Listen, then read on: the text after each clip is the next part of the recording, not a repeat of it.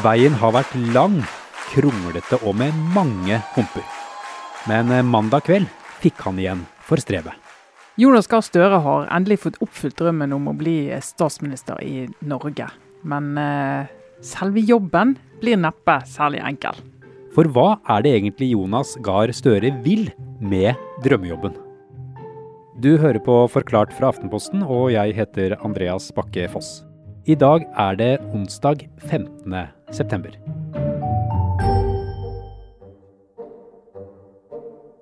Jonas Gahr Støre har jo en eh, særs privilegert eh, bakgrunn. Han har gått på de beste skolene, han kommer fra en rik familie.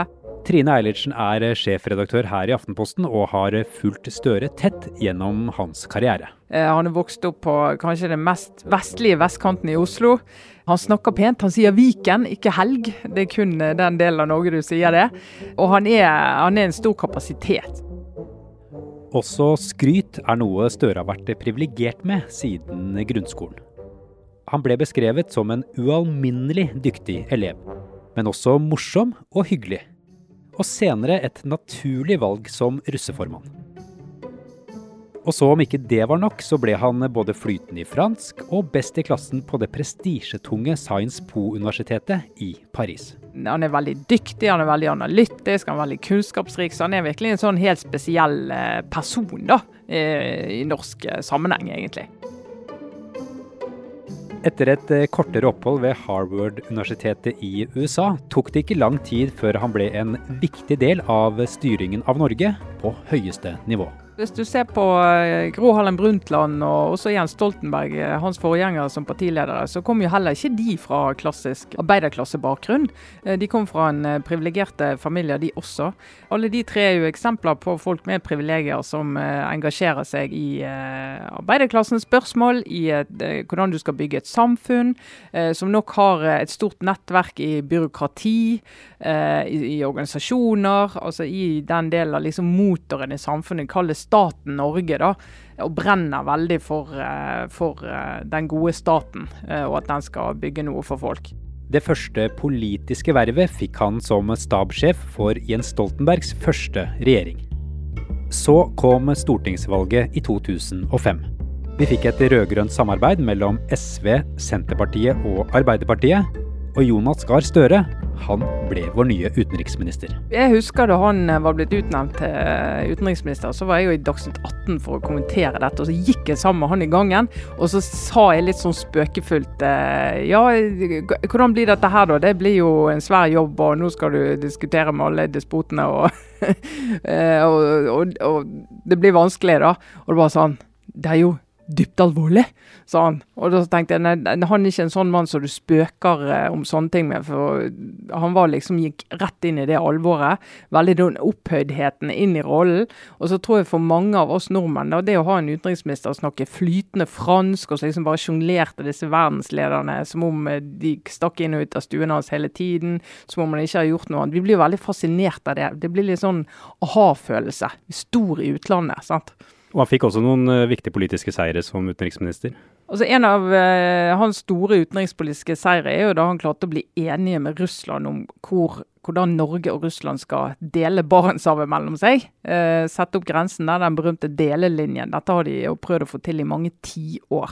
Eh, og han utviklet jo også denne dialogkonseptet. Altså hvor Norge skulle snakke med veldig mange ulike land. Vi skulle bidra i megling, fredsmegling. Og liksom spille en rolle på den internasjonale scenen da, som gjorde at eh, Norge jo har markert seg og har bidratt bl.a. til at Norge er i Sikkerhetsrådet i dag. Det er ikke uvanlig at statsråder byttes ut eller bytter plass i løpet av en regjeringsperiode. Og i 2012 så gjorde Jens Stoltenberg omrokeringer. Det å være utenriksminister i Norge det er egentlig ikke en veldig vanskelig politisk jobb. Skal du virkelig opp på eliteserien i politikk, så må du jobbe med innenriks problemstillinger. Uh, Jens Stoltenberg ba han om å bli helseminister, og det er for å få, uh, få dritt på fingrene, rett og slett. Gå ned i de vanskeligste sakene, møte demonstrantene, møte det engasjementet ute hos folk. Se, klarer du det, så klarer du det aller meste politiske i Norge. Helseminister er en av de vanskeligste statsrådspostene du kan tenke deg. så det ble et, uh, lest som et frampek på at han uh, kunne være en potensiell partileder når uh, Jens Stoltenberg ga seg. Og akkurat det gjorde Jens Stoltenberg året etter, i 2013. Og Arbeiderpartiet, de måtte finne sin nye leder. Han ble jo snakket om særlig etter den, eh, det helseministergrepet. Eh, og han virkelig var rundt og møtte demonstranter og engasjerte nordmenn på grasrota. Eh, så ble jo han alltid nevnt når noen snakket om at Jens Stoltenberg en dag skulle gi seg. Men det som skjedde i maktpartiet Arbeiderpartiet, var jo at han på en måte skled inn i rollen som partileder. Det var egentlig ingen debatt. Jens Stoltenberg hadde maktet å sette retningen og finne en etterfølger som på en måte dro hans tankegods videre i Arbeiderpartiet. Den nye Arbeiderpartilederen Jonas Gahr Støre sier kunnskap og helse skal gi partiet valgseier i 2017. Avgjørelsen tok han alene på en fjelltopp. I dag ble han enstemmig innstilt som ny partileder etter Jens Stoltenberg. Og det var jo en god del som uh, syntes det var helt eksotisk at Arbeiderpartiet klarte å bytte ledelse. For det har jo ikke skjedd i nyere tid uten uh, sverdslag uh, på en så harmonisk måte. Men det ga jo også Jonas Gahr Støre en litt vanskelig start etter hvert.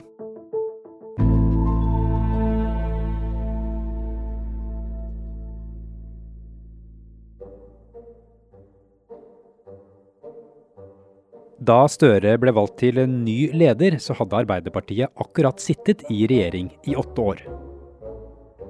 Nå måtte de finne seg selv på nytt, og Støre snakket om å lufte ut og heve takhøyden for nye ideer. Han satte unge talenter i viktige roller, og skulle prøve å fornye Arbeiderpartiet visjonen hans politisk ble veldig vanskelig å, å, få øye på. Og det tror jeg eh, kom og bet han bak eh, da stortingsvalget kom eh, i 2017. For det var da nedturen virkelig begynte. Arbeiderpartiet fikk 27,4 oppslutning og gikk tilbake 3,5% Slik det ser ut, så holdt det akkurat ikke til å erstatte Frp høyreregjeringen med en Arbeiderparti-ledet regjering. Og den rød-grønne siden klarte ikke å få nok mandater til å ta flertallet fra Erna Solbergs borgerlige regjering. Kjære alle sammen. Tusen takk for innsatsen. Nei, for hva var det som skjedde? Det skjedde et par ting. Det ene er at uh, han begynte jo å bli mer og mer utfordret uh, politisk i den perioden. Og det litt utydelige prosjektet uh, det fremstår enda mer utydelig for velgerne. Uh, vi hadde en oljeprisfall midt oppi det hele, der vi, arbeidsledigheten økte drastisk. Og der Arbeiderpartiet hadde bestemt seg for å gå til valg på at det var for høy ledighet. Men så noen måneder før valget så begynte jo ledigheten å gå ned igjen. for da viste det seg at sittende regjering hadde nok håndtert oljeprisfallet greit. Sånn at den saken var ikke noe viktig for dem de. Og så ble det litt diskusjon om, om samarbeid. Hva vei skulle Støre samarbeide? Og han åpnet litt opp for han kunne samarbeide til sentrum, kunne samarbeide til venstre. altså Han var åpen for mye forskjellig, og det ble det også mye reaksjoner på. Ved kommunevalget i 2019 så fortsatte nedturen for Støre og Arbeiderpartiet. Og la meg være klar på det. Vi kan ikke være fornøyde som parti i Norge i dag. Ambisjonene for vårt parti, for vår politikk og for vårt land de er større. Støre hadde nå to år på seg for å finne en løsning. Han måtte legge en taktikk for hvordan han skulle klare å få Solberg-regjeringen ut av kontorene, og få statsministerdrømmen til å bli virkelighet. Så Trine, hva ble Støres taktikk i valgkampen for å snu denne trenden? Det ene var at han var veldig tydelig på hva samarbeid han ønsket seg. Han har sagt hele tiden at han ønsker seg en eh, regjering med Senterpartiet og SV, men kan snakke med alle som vil ha et skifte. Det er et veldig konsistent budskap, så han har sluppet veldig mye problematisering rundt det. Det andre er at det politiske prosjektet er blitt tydeligere, særlig etter landsmøtet i vår. Da kom Arbeiderpartiet ut derfra med litt sånn samlete tropper. De hadde lagt bak seg mye intern strid knyttet til metoo, knyttet til diverse maktkamper. Eh, og nå sto de samlet og var på en måte enige om at nå har vi rotet nok. Vi har vært i opposisjon i syv år. Hvis vi skal klare det nå, så må vi slutte å rote. Nå må vi eh, jobbe sammen mot denne valgseieren. Eh, og så har de gått og svart på Senterpartiet sin utfordring på distriktspolitikken. Pga. det så har de blødd i storbypolitikken, men de har fått tilbake en del av de velgerne. Og resultatet er i hvert fall uansett at de nå har det flertallet de drømte om. Du sa de kom ut med et tydelig politisk prosjekt. Kan du forsøke å beskrive det som nå blir Støres eh, politiske prosjekt de neste årene? Ja, altså Øverst eh, på listen til Støre står jo eh, kampen mot ulikhet. Så de har fått snakket om lenge og fått velgerne med seg på at ulikhet er kanskje den viktigste politiske saken i dette valget. Og Da sier Arbeiderpartiet at det skal, vi, det skal vi gjøre noe med. Vi skal gjøre noe med skattene, og vi skal prioritere de med lavere inntekt, og vi skal øke en del av ytelsene. Eh, og det andre er jo at eh, Arbeiderpartiet har flyttet seg i klimapolitikken ganske langt. Eh, de er blitt presset fra AUF, de er blitt presset fra SV, de er blitt presset fra MDG. Eh, og har utviklet en klimapolitikk som jeg tror har større klangbunn hos en del av de klimaengasjerte velgerne til Arbeiderpartiet enn den gamle klimapolitikken var. Og så har eh, har de, sagt at vi skal skifte rett og slett kurs. Du skal få noe helt annet enn du har fått fra Erna Solberg og hennes kompaner. Og når en regjering har sittet i åtte år, så er faktisk det å få en ny regjering det er noe som velgerne syns er attraktivt. Nesten uavhengig av politikk også. I valget mandag så endte Arbeiderpartiet med en oppslutning på 26,4% de er Norges største parti fortsatt, men til tross for jubelen på Folkets hus i Oslo, så var det et av de dårligste resultatene i partiets historie. Så grunnen til at Støre blir statsminister, er at de andre partiene han skal samarbeide med på venstresiden, gjorde det veldig bra.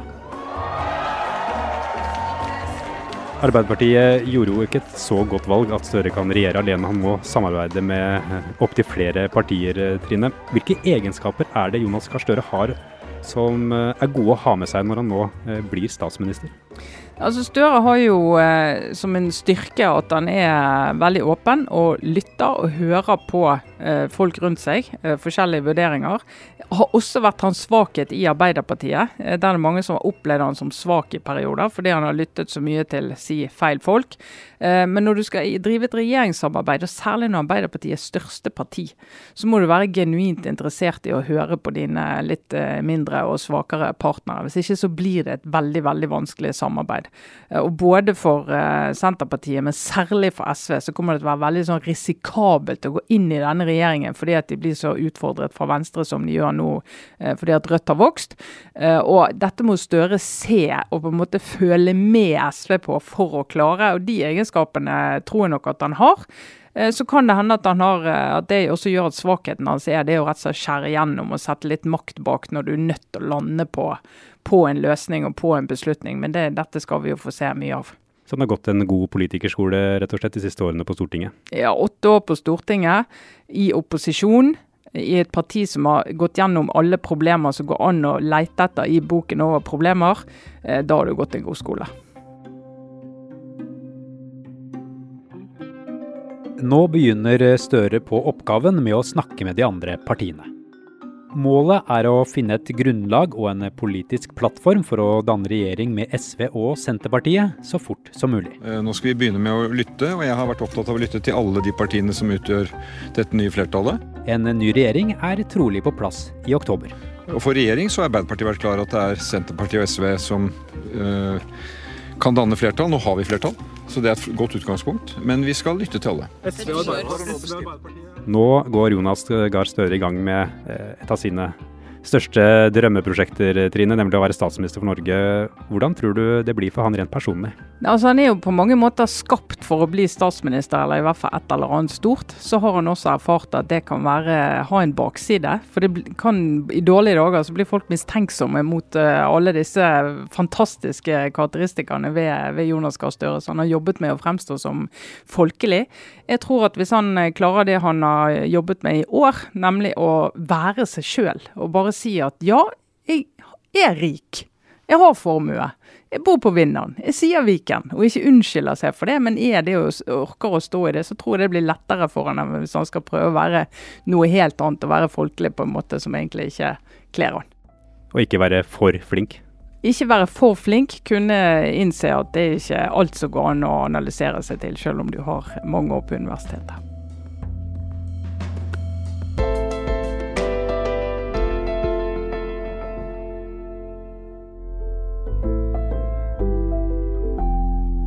I denne episoden har du hørt sjefredaktør i Aftenposten Trine Eilertsen fortelle om Jonas Gahr Støre. Produsent har vært Fride Næss Nonstad, og jeg heter Andreas Bakke Foss. Resten av Forklart er Marit Eriksdatter Gjelland, Anne Lindholm, David Vekoni og Guri Leil Skedsmo. I denne episoden har du hørt lyd fra NRK, VGTV og NTB.